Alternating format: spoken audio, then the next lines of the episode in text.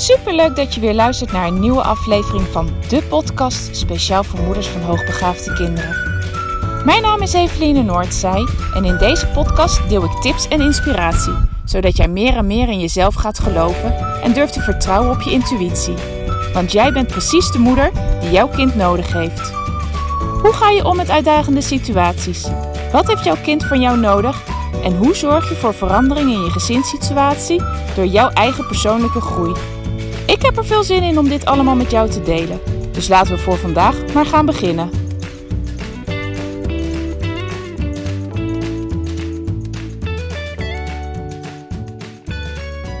Leuk dat je weer luistert naar een nieuwe aflevering van de podcast Hoog Onbegrepen, Hoog Begrepen. En wat dat is natuurlijk wat we allemaal willen: dat ons uh, vermoedelijk hoogbegaafde kind of hoogbegaafde kind, dat we die gaan begrijpen en zodanig goed gaan begrijpen dat het kind ook kan krijgen wat van jou wat het nodig heeft, maar zeker ook van school wat het nodig heeft. Ja, dat is altijd belangrijk. Het heeft zo'n ontzettende wisselwerking. Uh, op het moment dat het kind niet krijgt op school, dan zal je dat merken in de thuissituatie. Maar andersom kan natuurlijk ook. Op het moment dat jij als ouder niet voldoende kan aansluiten, heeft dat ook weer zijn weerslag op wat het kind mogelijk op school kan laten zien. Dus het is heel belangrijk dat bij, bij beide het gewoon in evenwicht is en dat je goed begrijpt wat jouw kind nodig heeft en dat ook kan bieden. En nou ja, het is eind oktober. De herfstvakantie begint, is alweer begonnen voor het noorden en begint bijna voor het zuiden en het midden. En ik merk dat ook in de aanmeldingen voor intelligentieonderzoek in de praktijk.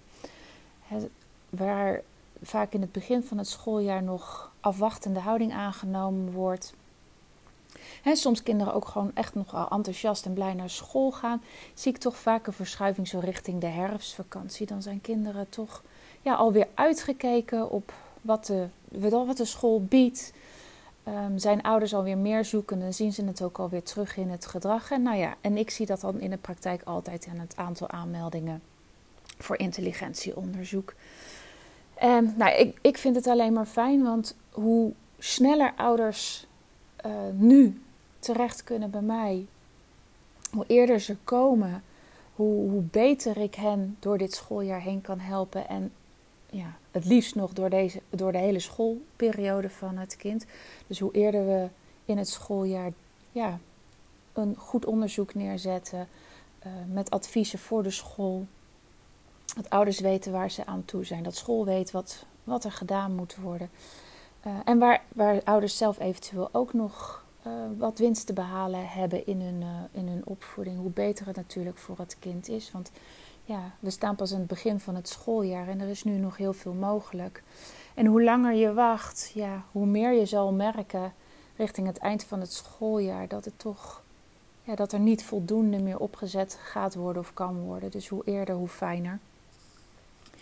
En nou ja, de meeste ouders zien het eigenlijk gewoon terug in het kind, het, het gedrag van het kind.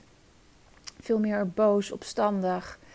Uh, nou ja, ik heb het daar al vaker over. Vaak weerspiegelt het gedrag van jouw kind hoe, hoe het zich voelt.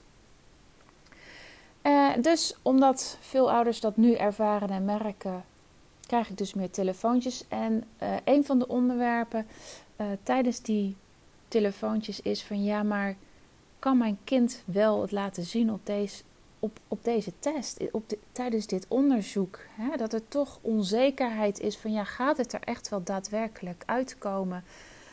En ja, weet je, ik kan je nooit, kan nooit een ouder 100% garantie geven. Dat is gewoon echt niet mogelijk. Maar ik kan wel aangeven dat ik in al die jaren dat ik nu een onderzoek doe, dat ik voor mezelf um, kan terughalen dat het bij één kind zeker weten niet gelukt is. Op al die honderden kinderen die ik nu heb onderzocht, is het bij één kind niet gelukt. En niet gelukt in de zin van ik heb de afname helemaal kunnen afronden.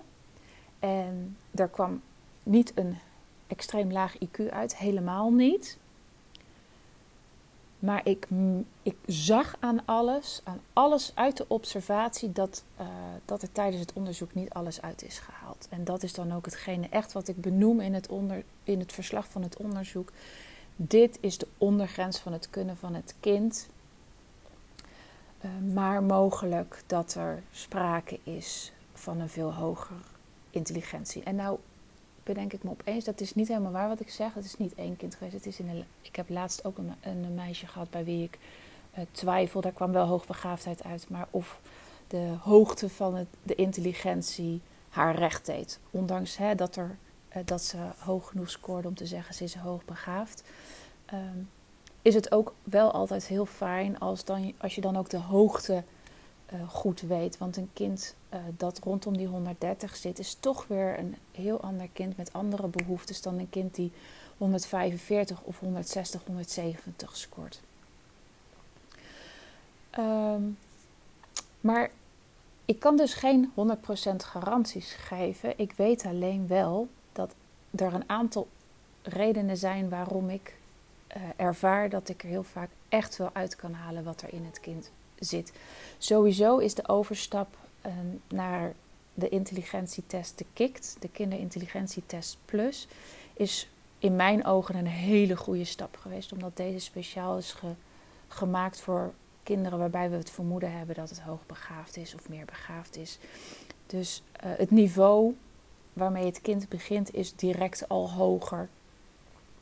De opdrachten uh, stijgen snel in moeilijkheidsgraad. En daarnaast is het de bedoeling dat gewoon alle subtests afgenomen worden. Het kan niet zo zijn dat, um, dat, we, dat, dat we opdrachten niet afnemen. Dus een kind dat vastloopt omdat een opdracht nog relatief makkelijk is en vastloopt in heel moeilijk denken, um, krijgt nog steeds de kans om ook de moeilijke opdrachten te doen. En dat is vaak wel een verschil met alle andere intelligentietesten, omdat die vaak afbreken al vrij vlot als een kind een aantal foute antwoorden heeft gegeven.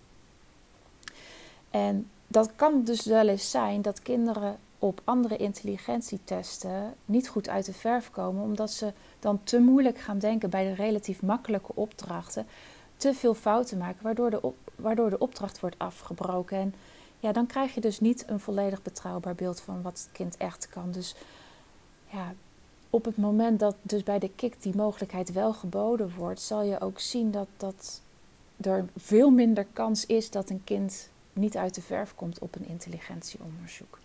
En daarnaast gaat dit onderzoek niet op tijd. Dus kinderen hebben ook geen tijdsdruk. En zeker kinderen uh, die daar heel gevoelig voor zijn, die niet goed kunnen werken onder druk, onder stress. En die de behoefte hebben aan heel veel overdenkingen en nog een keer redeneren, nog een keer redeneren, krijgen daar gewoon de tijd voor. En het is, het is dus op deze test niet zo dat het fout is als je buiten de tijd een antwoord geeft, wat op sommige onderdelen van de andere onderzoeken andere intelligentietesten wel uh, kan gebeuren. Nou, dat is aan de ene kant. En aan de andere kant, omdat ik de afgelopen jaren zoveel ervaring heb opgedaan met het onderzoeken van hoogbegaafde kinderen. En ik ook weet wat de valkuilen zijn bij het onderzoeken van deze kinderen. Kan ik heel snel doorzien of een kind duikt, of het achterover leunt en wacht tot ik het voor ze ga oplossen.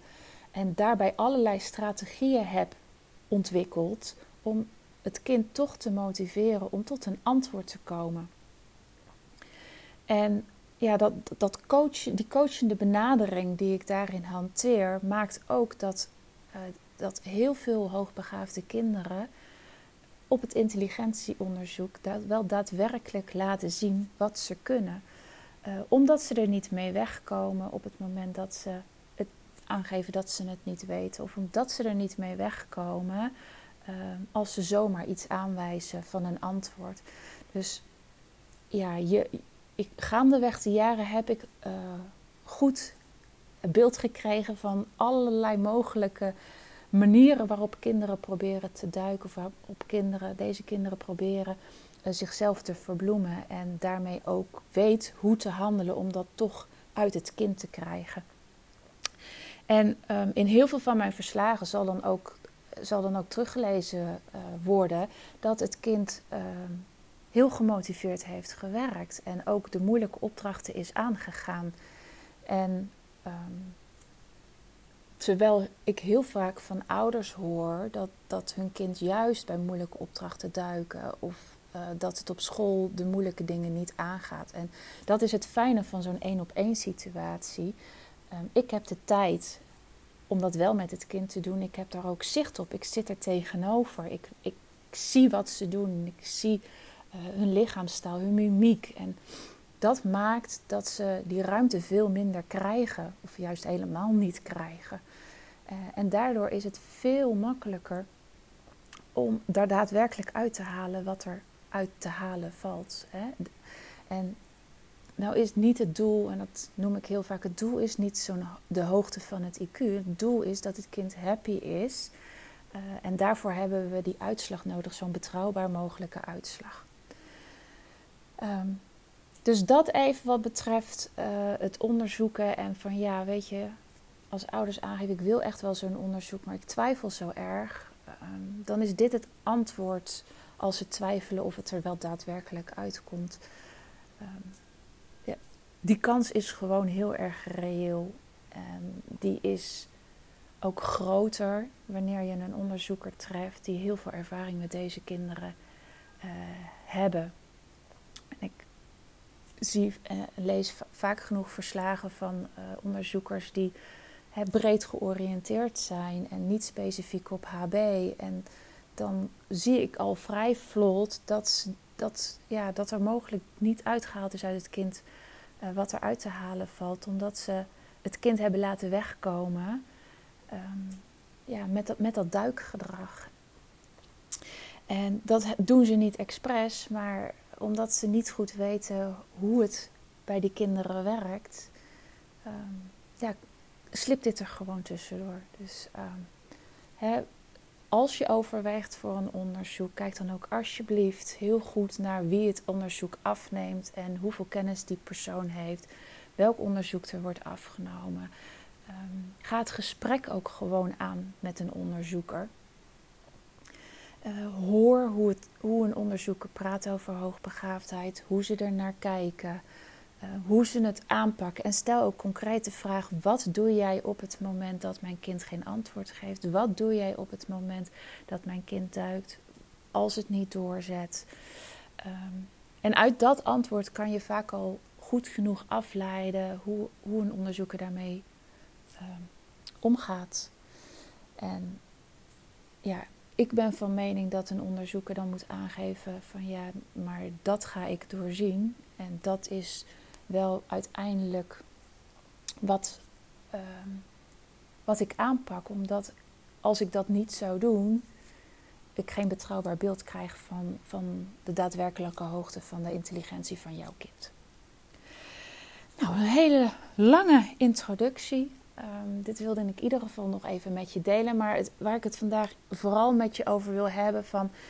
Um, ik hoor momenteel veel terug dat kinderen boos zijn, opstandig zijn. In hun gedrag laten merken dat ze niet goed in hun vel zitten. En hoe als ouder ga je daar nou mee om? Hè? Weet je, je weet van je moet op zoek naar de oplossing, maar die oplossing ligt er niet direct. Hè? Het onderzoek is niet direct gedaan. Um, daarnaast is het zo dat um, um, de school ook niet direct allerlei uh, plannen gaat doorvoeren. Dat, dat, dat, kost tijd.